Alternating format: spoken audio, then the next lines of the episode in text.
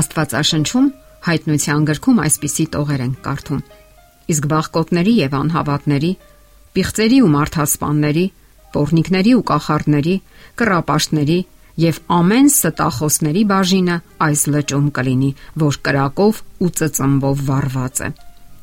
Մենք հաճախ լրջորեն չենք մտածում այն մասին, թե ինչ գին պետք է վճարենք հավերժական կյանքին արժանանալու համար։ Իսկ ահա Աստվածաշունչը հստակ սահմանում է այն չափորոշիչները, որոնք անհրաժեշտ են հավերժական կյանք մտնելու համար։ Այդ չափորոշիչները հաճախ այնքան էլ դուրս չեն գալիս մենք, եւ մենք աշխատում ենք անտեսել դրանք, կամ էլ ձևափոխել եւ համապատասխանեցնել մեր ճաշակին ու բնավորությանը։ Այդպիսի մի չափորոշիչ է քաջությունը։ Հատվածում, որը ընթերցեցի, Աստծո խոսքը նշում է, որ վախկոտությունը հակառակ է քրիստոնեական բնավորությանը եւ նման մարդկանց բաժինը կրակով եւ ծծմբով վառված լիճն է։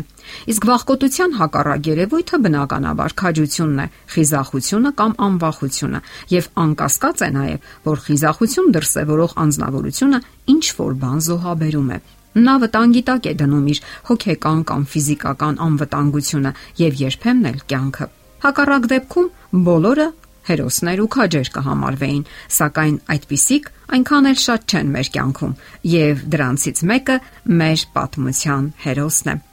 Ճապոնացիները Ֆիլիպիններից հարավ ջրասույզ արեցին Դիկ Անթրիմի նավը։ Նրան նետեցին զինվորական գերիների համար նախատեսված ճամբարը։ Ճապոնացիները նրան վախկոտ էին համարում, ինչպես եւ ցանկացած զինվորի, ով չէր պայքարում ոչ միայն մահ, սակայն մարտահրավեր նետվեց այդ կարծիքին։ Ամեն ինչ սկսվեց այն բանից, որ ամերիկացի լեյտենանտը հանդգնություն դրսևորեց։ Նա բավականաչափ ցած չխոնարհվեց, երբ իր կողքով անցնում էր ճապոնացի հսկիչը։ Վերջինս կատաղեց եւ նրա վրա թափեց սպայական իր ողջ զայրույթը։ Նա սկսեց գավազանով ուժգին հարվածներ հասցնել գերիալի մեջքին։ Գերին նստեց գետնին, սակայն հարվածները չէին դադարում։ Դիկը չէր կարող անտարբեր մնալ այդ տեսարանին։ Համարցակվելով միջամտել, նա խնդրեց պահապանին, որ գթասրտություն դրսևորի։ Ձերքի շարժումով նա փորձեց համոզել պահապանին, որ բավականաչափ պատժել են լեյտենանտին, սակայն պահապանը չէր ցանկանում զիջել։ Նա պատրաստվում էր մինչև վերջ շարունակել իր պատիժը՝ ծանր մտրակի 50 հարված։ Հարյուրավոր գերիալներ նայում էին այդ տեսարանին։ Մոտեցան նաև մյուս պահապանները Նրանք այն կարծիքին էին, որ գերին զանցանք է գործել եւ մեղավոր է, եւ որ հարկավոր է պատժել ինչև վերջ։ Իսկ Դիկին հրամայեցին հետ գնալ եւ կանգնել իր տեղում։ Երբ հերթական հարվածն իջավ գերիալի մեջքին, խոր վերքեր բացվեցին եւ սկսեց արյուն հոսել։ 15-րդ հարվածից հետո գերին չդիմացավ ցավին եւ ուշաթափվեց։ Մոտեցան եւս 3 պահապաններ, որpիսի շարունակեն գանահարել անհնազանդ գերու անգիտակից մարմինը, Այստեղ Դիկը չդիմացավ եւ բացականչեց. «Բավական է»։ Քար լռություն տիրեց։ Գերիները պապանձվեցին եւ սարսափահար սպասում էին, թե ինչ է լինելու, իսկ Դիկը շարունակեց. Մնացած հարվածները ինձ։ Ես պատրաստ եմ կրելու պատիժը նրա փոխարեն։ Ոչ մի ձայն չէր լսվում, թե պահապանները, թե գերիները ապշահար Դիկին էին նայում։ Դիկը կրկնեց իր խոսքերը. Եթե այդ 50 հարվածներն այդքան անհրաժեշտ են, ապա ես պատրաստ եմ մնացածը կրել լեյտենանտի փոխարեն։ Գերիների շարքերում քաջալերող ձայներ հնչեցին։ Ծեծը դադարեցվեց, իսկ լեյտենանտին տարան հոսպիտալ։ Սակայն պատմությունը այսքանով չավարտվեց։ Քաջության այդ դրսևորման համար Դիկն արժանացավ ԱՄՆ-ի զինվորական բարձրագույն պարգևի՝ մեդալ խիզախության համար։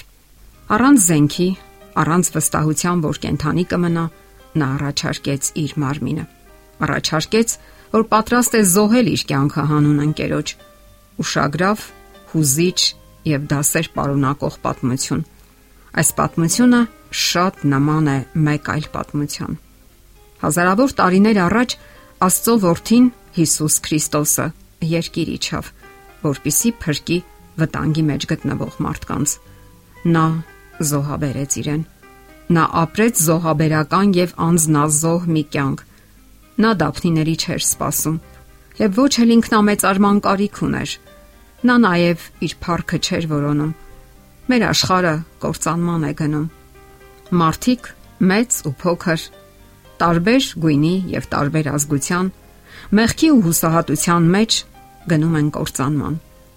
Հիսուսը զոհաբերեց իր կյանքը եւ մահացավ, որpիսի մենք ապրենք։ Ճանապարհը դեպի հավերժական կյանք եւ Աստծո հետ վերջնական միաբանությունը այսօր անցնում է նրա զոհաբերության միջով։ Մեր պատմության հերոսը չտատանվեց, երբ տեսավ, թե ինչպես է դանդաղ մահանում իր ընկերը։ Տեսավ նրա վերքերից ծորող արյունը եւ առաջարկեց նրա փոխարեն կրել պատիժը։ Մեր պատմության հերոսը անգամ չմտածեց, թե կգնահատի արդյոք լեյտենանտը իր արարքը, թե նույնիսկ չի էլ հիշի։ Նա այդպիսի հարցերով չտանջեց իրեն, այլ առանց երկար մտածելու կատարեց իր անznազող քայլը, որովհետև նրա քայլի հիմքում սերն էր։ Այդ գինն էր նաև Աստծո բոլոր գործողությունների հիմքում։ Աստված կյանք է ապարգևել մարդուն եւ սիրում է նրան։ Ոչ մի մարդ երբեք չի հասկանա, թե ինչ աստիճանի է սիրում նա մարդուն։ Միգուցե հավերժության մեջ մենք հասկանանք այդ սիրո չափը։ Սերը գին ունի եւ մենք պետք է հասկանանք դա։ Սերը կյանք է եւ այն կոնկրետ քայլերի է մղում։ Հովանես ավետարանի չգրում է որովհետև Աստված այնպես սիրեց աշխարը, որ իր միածին որդուն տվեց, որ ամեն նրան հավատացողը չկորչի, այլ հավիտենական կյանք ունենա։ Աստված սիրո падգամ ուղարկեց իր որդու միջոցով անսահման սիրո, որի եզրափակիչ քայլը իր փրկագնական մահն էր։ Գոյություն ունի ավելի մեծ սեր, քան եթե մեկը իր կյանքը զոհի մյուսի փոխարեն։ Եթերում ղողանջ հավերժության հաղորդաշարներ։ Հարցերի եւ առաջարկությունների դեպքում զանգահարեք 094 08 2093 հեռախոսահամարով։ Հետևեք մեզ hopmedia.am հասցեով։